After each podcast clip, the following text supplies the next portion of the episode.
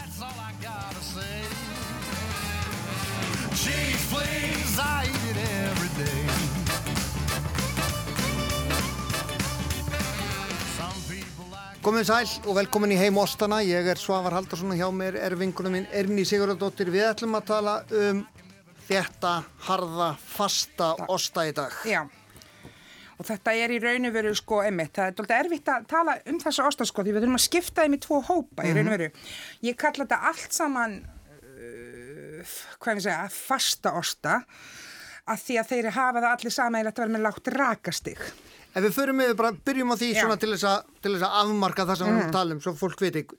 Nefndu nú nokkrar, nokkrar frægust Óstana í þessum hópi? Það er náttúrulega Parmigiano Reggiano sem er, og hans uh, undan, hvað segi, sá sem var á undan var náttúrulega Grana Padano.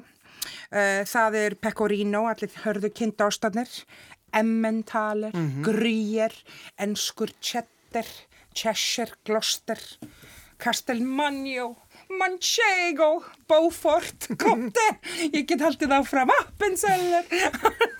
Og, og, og, og, og danski Havarti. og, og danski hafarti, akkurat svo það er, þú veist, þetta eru eins og segi það sem að einkenni þessa hópavostum er það að þeir eru rakalitlir og í raun og veru með því að þegar við, fólkið, lærðum það að því minni raki sem er í matvælum því betur geimistan þá náttúrulega auðvitað var verðmæti uh, ossins meiri Og, þe og þessir Óstar koma frá þessu sveiði Ítalíu, Sviss, eða hvað?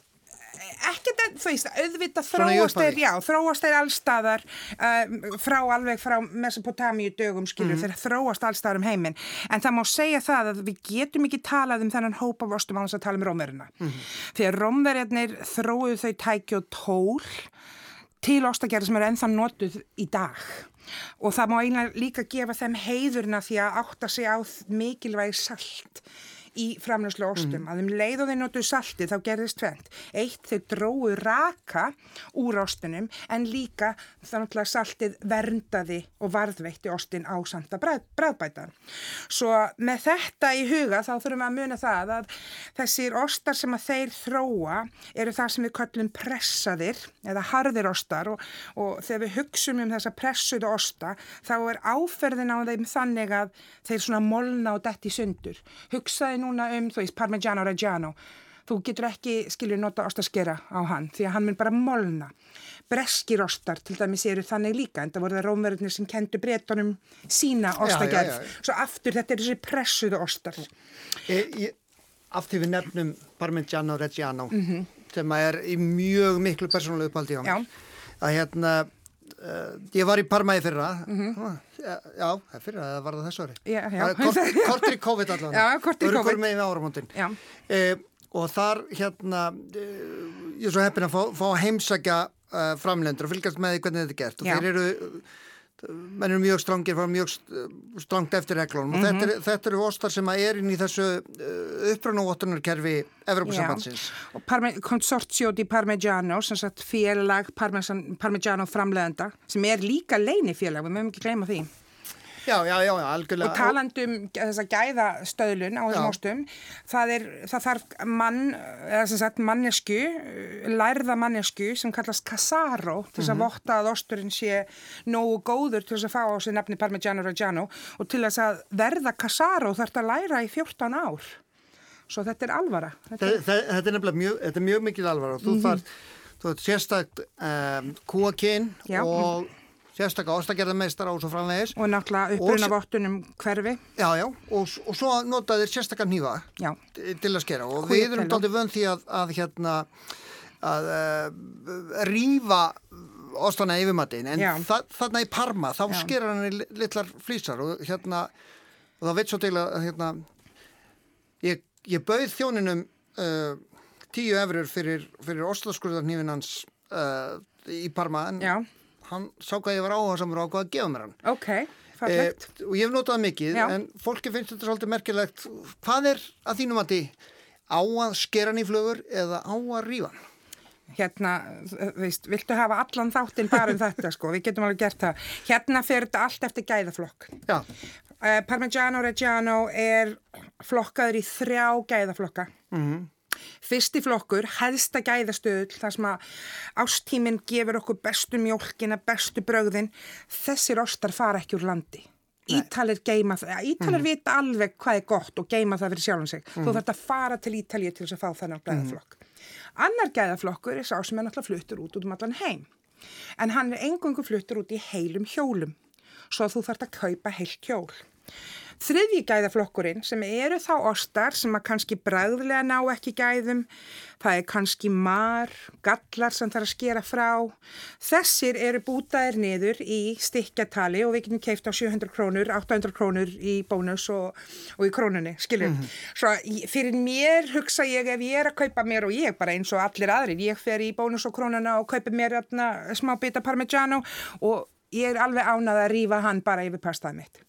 Ef ég væri með hærri gæðaflokk þá auðvitað dytti mig það ekki hug. Gott, þá er það á reynum og bara svo því sé að haldið til haga þá er þriði flokkurinn líka mjög, mjög, mjög góður. Bestur, já. E, En ég vildi aðeins að því að við vorum að tala hérna áðan um, um fasta osta eða harða osta sem eru pressaðir, þá vildi ég líka minnast á hinn flokkin eða hinn tegundin sem er það sem við köllum sko cooked curd eða það sem að ostafnið er í raun og verið hitað.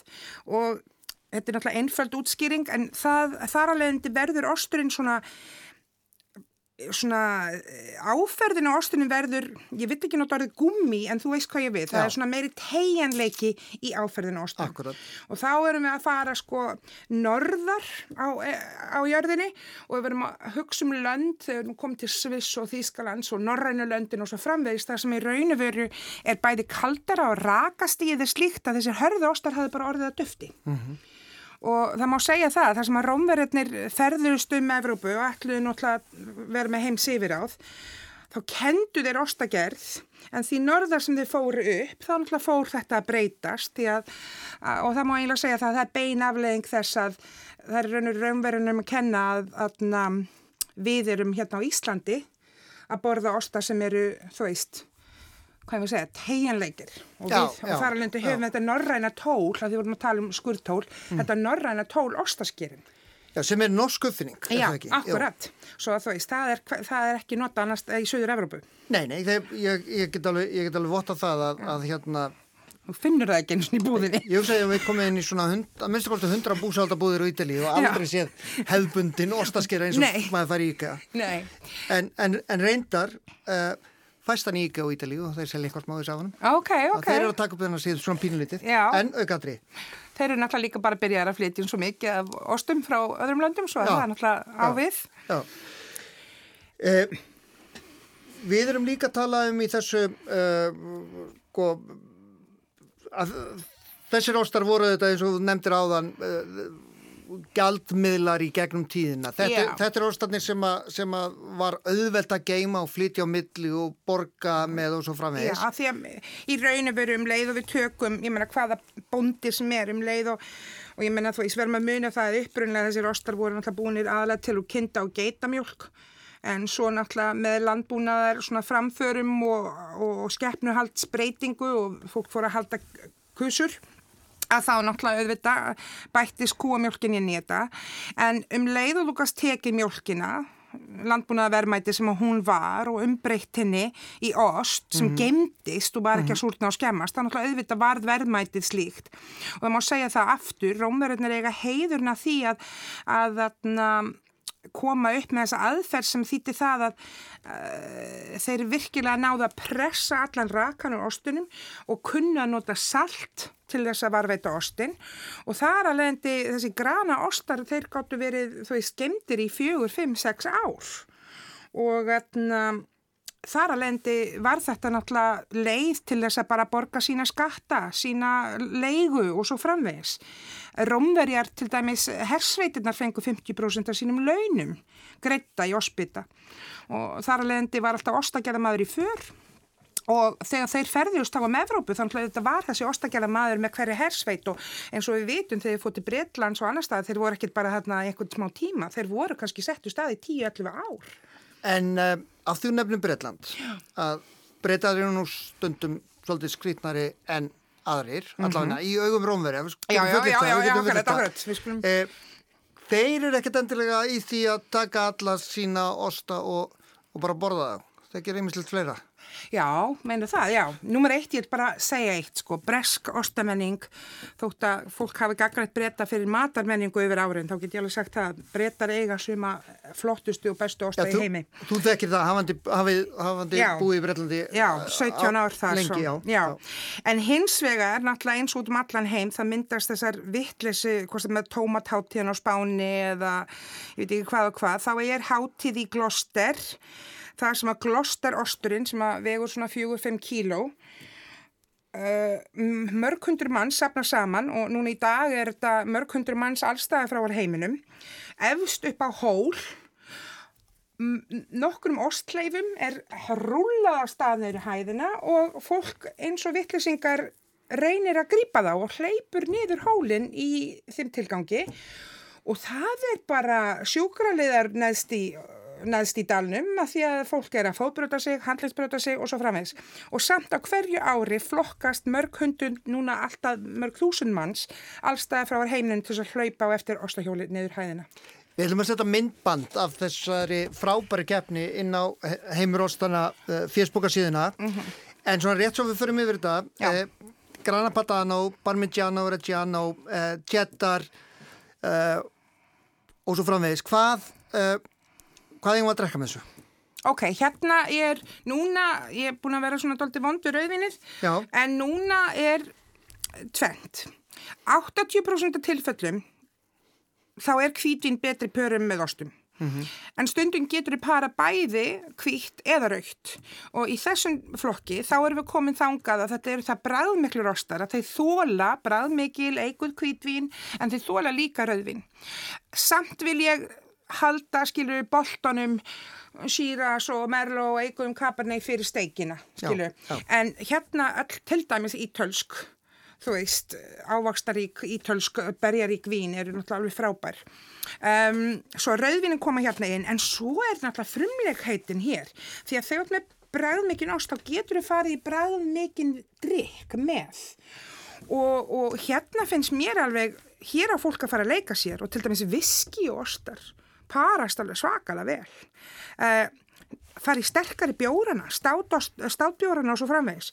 Hérna má leika sér til dæmis jafnvel ef þið vilji ekki drekka áfengi. Ég hef gert til dæmis uh, kaffipörun með ostum sem hefur verið virkilega skemmtileg. Já, Svo hérna er mjög gott. opnast alveg rosalega stór heimur og, og styrt vín eins og góður vermúð, ítalskur vermúð, þú veist, með góðum uh, pecorino frá Sardinju. Þetta er náttúrulega alveg bara stórkoslegt. á Ítalíu, á Ítalíu uh, bjóðaði stundum upp á uh, svona osta með, með, með limoncello, citrónlíkjör og náttúrulega í, í Piemonte þar sem ég bjó og þá er, er Nebbiolo með frúan náttúrulega alveg, hún er akkurat fullkomin. alveg fullkomin fyrir Já, þetta, mhm. alveg frábært þannig að ég Já. mæli með því Nebbiolo og, og Parmesan það er, það er fullkomin börun. Og eitt að lokum líka, bara því að við erum þjóð sem viljum alltaf gera svo mikið, stundum er bara ostbyttin og vinsópin nóg. Já, Ekki fara að hrúa öðru með. þurfum ekki að svolítið Nei, það þarf enga söldu. Frábært, við segjum í stríð og hendur hér Já. í heimi Óstana Já, allavega þanga til í næsta þætti. Uh, Við þökkum fyrir okkur í bíli uh, minnum okkur á að, að skoða skemmtilegar óstæðíþróttir á fyrstbókarsíðunni Já, og sjáumst brátt. Osta ástin lengi lifi.